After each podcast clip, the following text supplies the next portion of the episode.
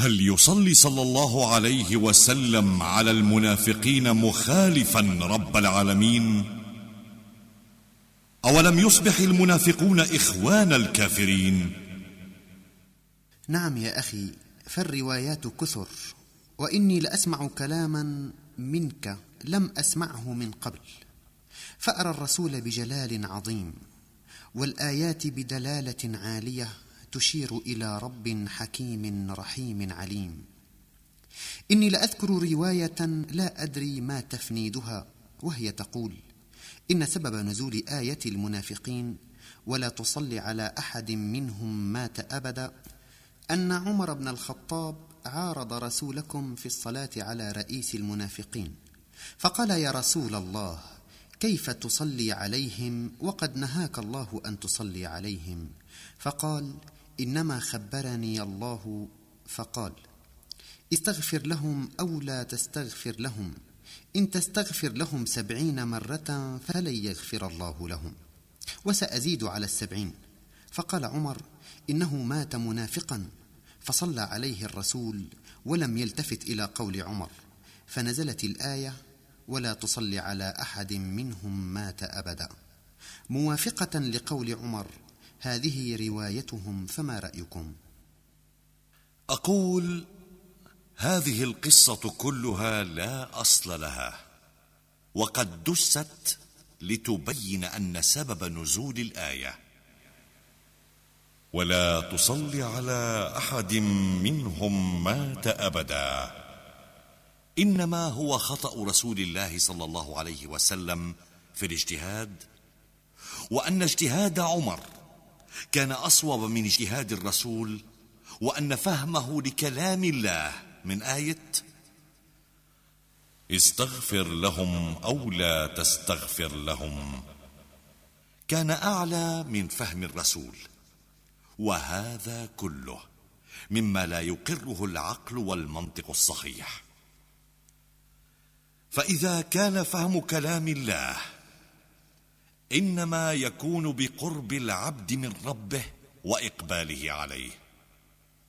وإذا كان الناس يتفاوتون في هذا الفهم بقدر تفاوتهم في القرب من الله والإقبال عليه فأنى لعمر أن يباري رسول الله صلى الله عليه وسلم في هذا الميدان. ما الصحيح إذن يا أخي؟ وكيف كان يصلي عليهم في بادئ الدعوة؟ الصحيح أن رسول الله صلى الله عليه وسلم رحمة للعالمين مرسلا. فهو كما قال تعالى في سورة التوبة لقد جاءكم رسول من أنفسكم عزيز عليه ما عنتم حريص عليكم بالمؤمنين رءوف رحيم. وهؤلاء النفر من المنافقين كان صلى الله عليه وسلم لا يفضح أمرهم ولا يعلنه للناس رحمة بهم. رجاء أن يثوبوا إلى رشدهم ويعمل تفكيرهم فيرجع عن كفرهم وضلالهم. فما داموا متسترين لا يظهرون معارضتهم ومناجزتهم للرسول والمؤمنين فمن الحكمة الا تذاع سرائرهم وتفشى نواياهم. وذلك ما كان يفعله صلى الله عليه وسلم. وذلك ما تقره السياسة والإدارة الحكيمة. وما تقضي به حكمة النبوة مما استلهمه رسول الله صلى الله عليه وسلم من ربه وبيانه. وبذلك كان صلى الله عليه وسلم إذا مات أحد المنافقين يصلي عليه. انظر إلى خلق الرسول وحلمه. كم كان في أهل النفاق رحيم. يخفي نواياهم ويكتم سرهم. وسعى لتأليف القلوب حليم. صلى على من مات منهم رحمة. ولذاك يحمد في الفعال كريم. لهي السياسة في الأمور وحسنها. حكم النبوة قد طواها حكيم. وبعد هذا لم لم يعد يصلي على أحد منهم؟ أو بالأحرى ما الذي جرى حتى جاءه الأمر فيما بعد. لا تصلي على أحد منهم مات أبدا. حتى إذا ظهروا النفاق وجاهروا بالكفر قد كشف الخفايا فهيم. نهي الرسول عن الصلاة عليهم. خسروا الجنان بفسقهم ونعيم.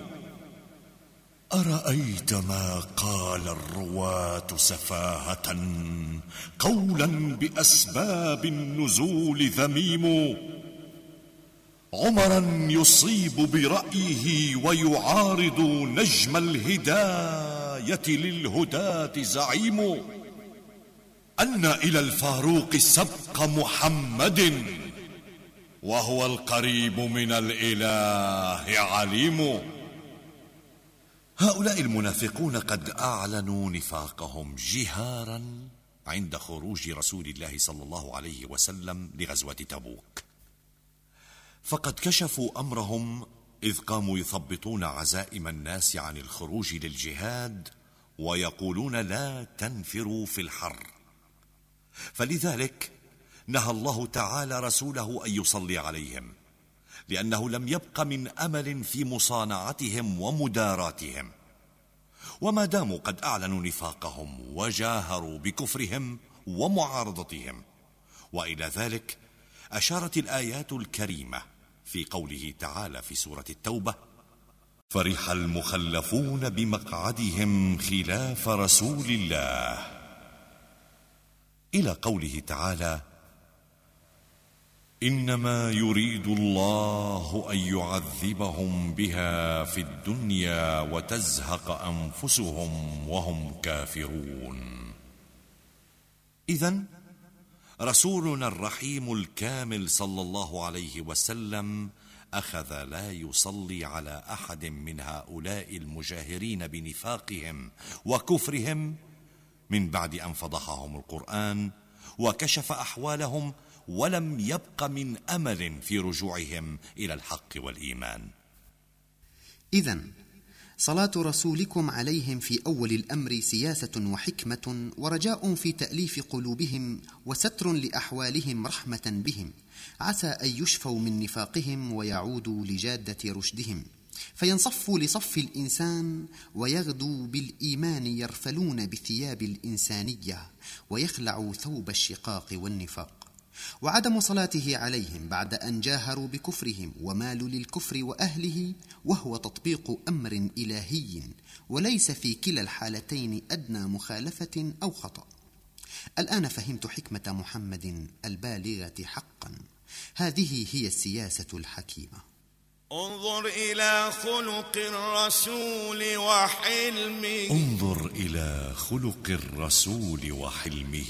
كم كان في أهل النفاق رحيم. كم كان في أهل النفاق رحيم. يخفي نواياهم ويكتم سرهم. ساع لتأليف القلوب حليم. يخفي نواياهم ويكتم سرهم وسعى لتأليف القلوب حليم. يخفي نواياهم ويكتم سرهم ساعيا لتأليف القلوب.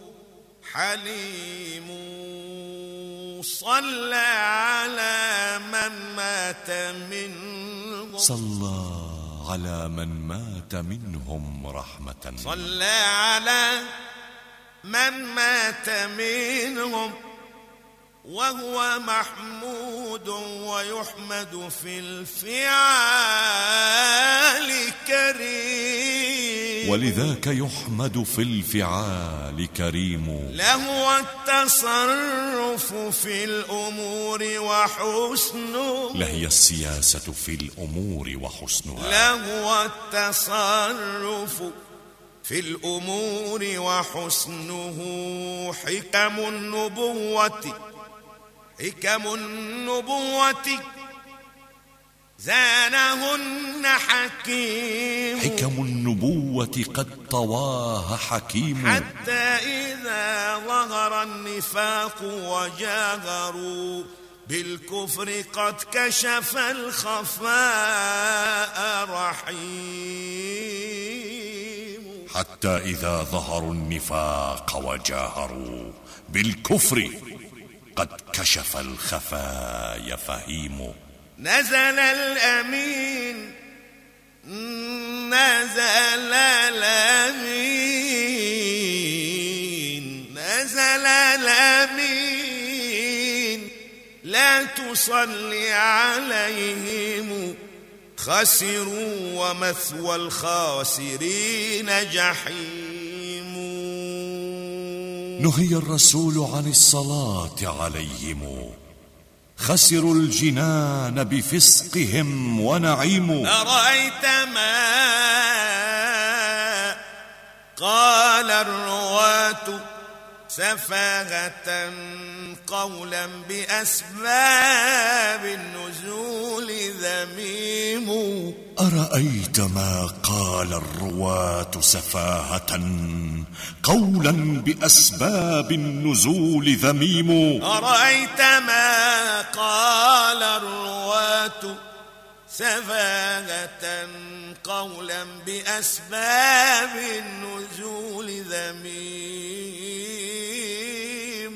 عمرا يصيب برأيه ويعارض نجم الهداية للهداة زعيم. أيصيب فاروق ويخطئ أحمد.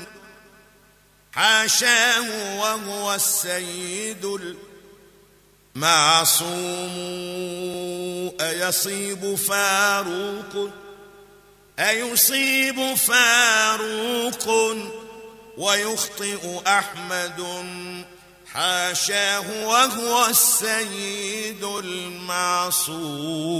أن إلى الفاروق سبق محمد وهو القريب من الإله عليم. أيصيب فاروق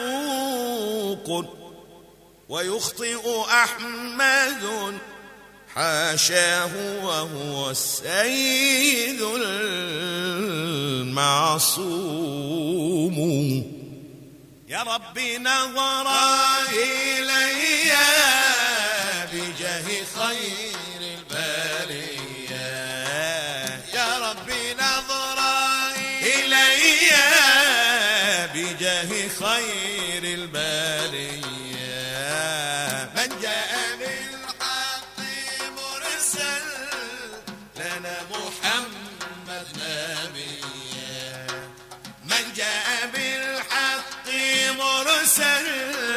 لنا محمد نبيا آه إني كثير الشجون في حب آه يفمصوني مات متى تشاهد عيوني. ذاك الجمال الباهية حبي من البدر أضواء ولم أجد عنه سلوى. حبي حبي من البدر أضواء ولم أجد عنه سلوى. فكيف قلبي لا يهوى سلالة هشيمية؟ يا يا رب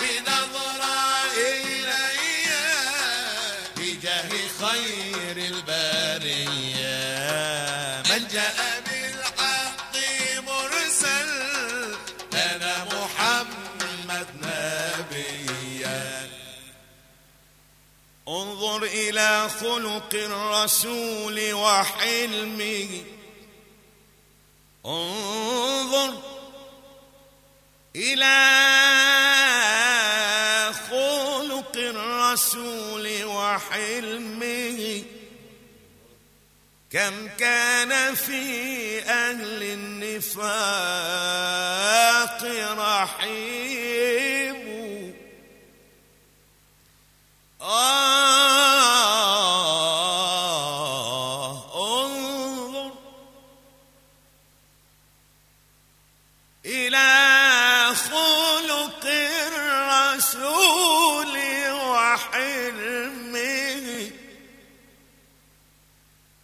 كان في أهل النفاق رحيم يخفي نواياهم ويكتم سرهم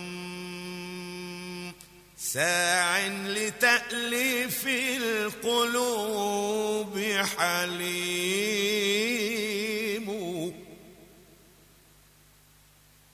يخفي نواياهم يخفي نواياهم ويكتم سرهم ساعيا لتأليف القلوب. حليم صلى على من مات منهم. صلى على من مات منهم وهو محمود ويحمد في الفعال كريم. له التصرف في الأمور وحسنه. له التصرف في الأمور وحسنه حكم النبوة. حكم النبوة. زانهن حكيم حتى إذا ظهر النفاق وجاهروا بالكفر قد كشف الخفاء رحيم. حتى إذا ظهر النفاق وجاهروا بالكفر قد كشف الخفاء رحيم. نزل الأمين نزل الأمين.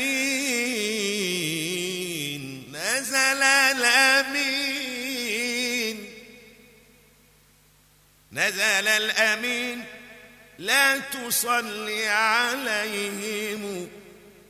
خسروا ومثوى الخاسرين جحيم. أرأيت ما قال الرواة سفاهة قولا بأسباب النزول ذميم. نزل الأمين. نزل الأمين. لا تصلي عليهم خسروا ومثوى الخاسرين جحيم.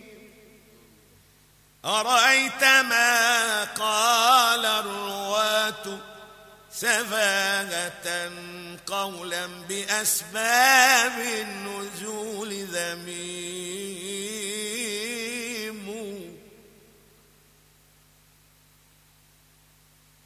أيصيب فاروق ويخطئ أحمد؟ حاشاه وهو السيد المعصوم أيصيب فاروق؟ أيصيب فاروق ويخطئ أحمد حاشاه وهو السيد المعصوم. أيصيب فاروق ويخطئ أحمد حاشاه وهو السيد المعصوم.